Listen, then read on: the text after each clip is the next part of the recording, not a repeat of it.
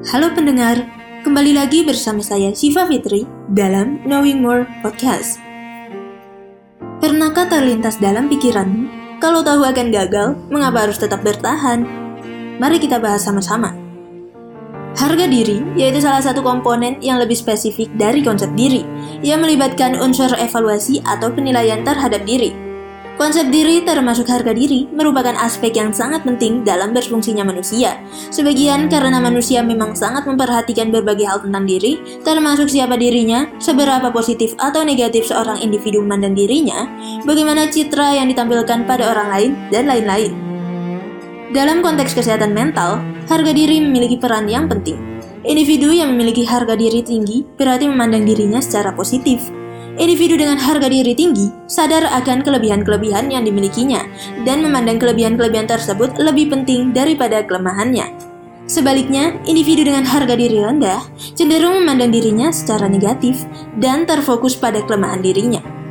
Harga diri yang tinggi dikaitkan dengan kecenderungan untuk menghubungkan kegagalan pada sebab-sebab eksternal daripada internal, sehingga bisa menunjukkan performa yang baik setelah mengalami kegagalan maupun keberhasilan.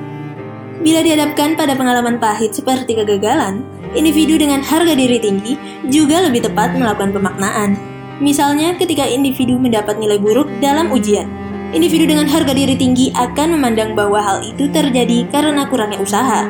Sedangkan individu dengan harga diri rendah cenderung memaknainya sebagai akibat dari kurangnya kemampuan diri.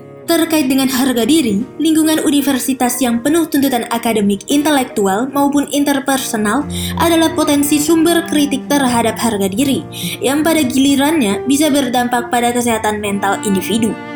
Pada individu yang memiliki kapasitas intelektual di atas rata-rata atau pada populasi berpendidikan tinggi, lebih banyak ditemui permasalahan perfeksionisme. Secara sederhana dapat dikatakan bahwa perfeksionisme merupakan keinginan untuk menetapkan dan mencapai standar-standar diri dan keberhasilan yang amat tinggi. Dalam hubungannya dengan kesehatan mental, perfeksionisme dapat menjadi sifat yang adaptif dan mendorong seorang individu untuk mencapai prestasi tinggi. Di sisi lain, perfeksionisme juga dapat menjadi maladaptif, Misalnya apabila standar-standar ini begitu tinggi sehingga individu hampir selalu merasa gagal dalam melakukan sesuatu. Perfeksionisme merupakan aspek perkembangan yang normal dan hanya menjadi masalah ketika individu menetapkan standar-standar superioritas yang tidak realistis dalam mencapai tujuan atau goals. Lalu, jika memang selalu merasa gagal, mengapa harus tetap bertahan?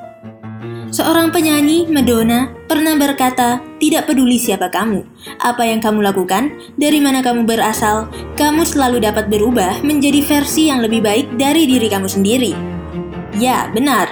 Sebetulnya kamu hanya perlu mengenali siapa dirimu melalui proses aktualisasi diri. Aktualisasi diri adalah keadaan terbaik dari seseorang. Orang-orang yang telah mencapai aktualisasi diri akan sangat paham terhadap dirinya sendiri, baik itu terkait keinginan maupun tujuan hidup mereka.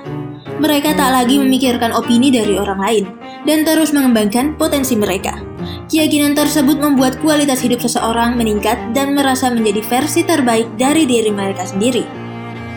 Bentuk dari aktualisasi diri yang pernah dilakukan oleh seorang Steve Jobs, yaitu ketika obsesinya menggait Scully, justru membuat dirinya harus hengkang dari Apple, perusahaan yang dibangunnya sendiri. Pada masa itu sudah tentu Jobs mengalami depresi berat yang menyebabkan Jobs mengucilkan dirinya ke beberapa negara di Eropa sampai tahun 1985. Tidak mau berlama-lama meratapi nasib, Steve Jobs kembali bangkit dan menyadari bahwa kegagalan adalah sebuah pelajaran dari kehidupan, yaitu ulangi sampai benar. Ya, dia memutuskan untuk memulai lagi. Ia mendirikan perusahaan komputer bernama Next yang membawanya kembali pada Apple. Kemudian ia juga membeli Pixar dari George Lucas. Kini Pixar sukses dengan film-filmnya yang mendapatkan Academy Award. Contoh tersebut hanya sebagian kecil dari proses-proses aktualisasi diri. Sekalipun seseorang telah memilikinya, jarang sekali yang tetap konsisten pada keadaan aktualisasi diri tersebut. Proses aktualisasi diri merupakan proses yang unik dimiliki tiap orang dan tidak semua orang mampu mencapainya. Tentunya akan sangat menyenangkan apabila kita telah memenuhi kebutuhan puncak ini. Jika kamu belum merasa memilikinya, jangan khawatir ia akan tumbuh seiring dengan perjalanan hidup kamu. Selamat mengenal diri sendiri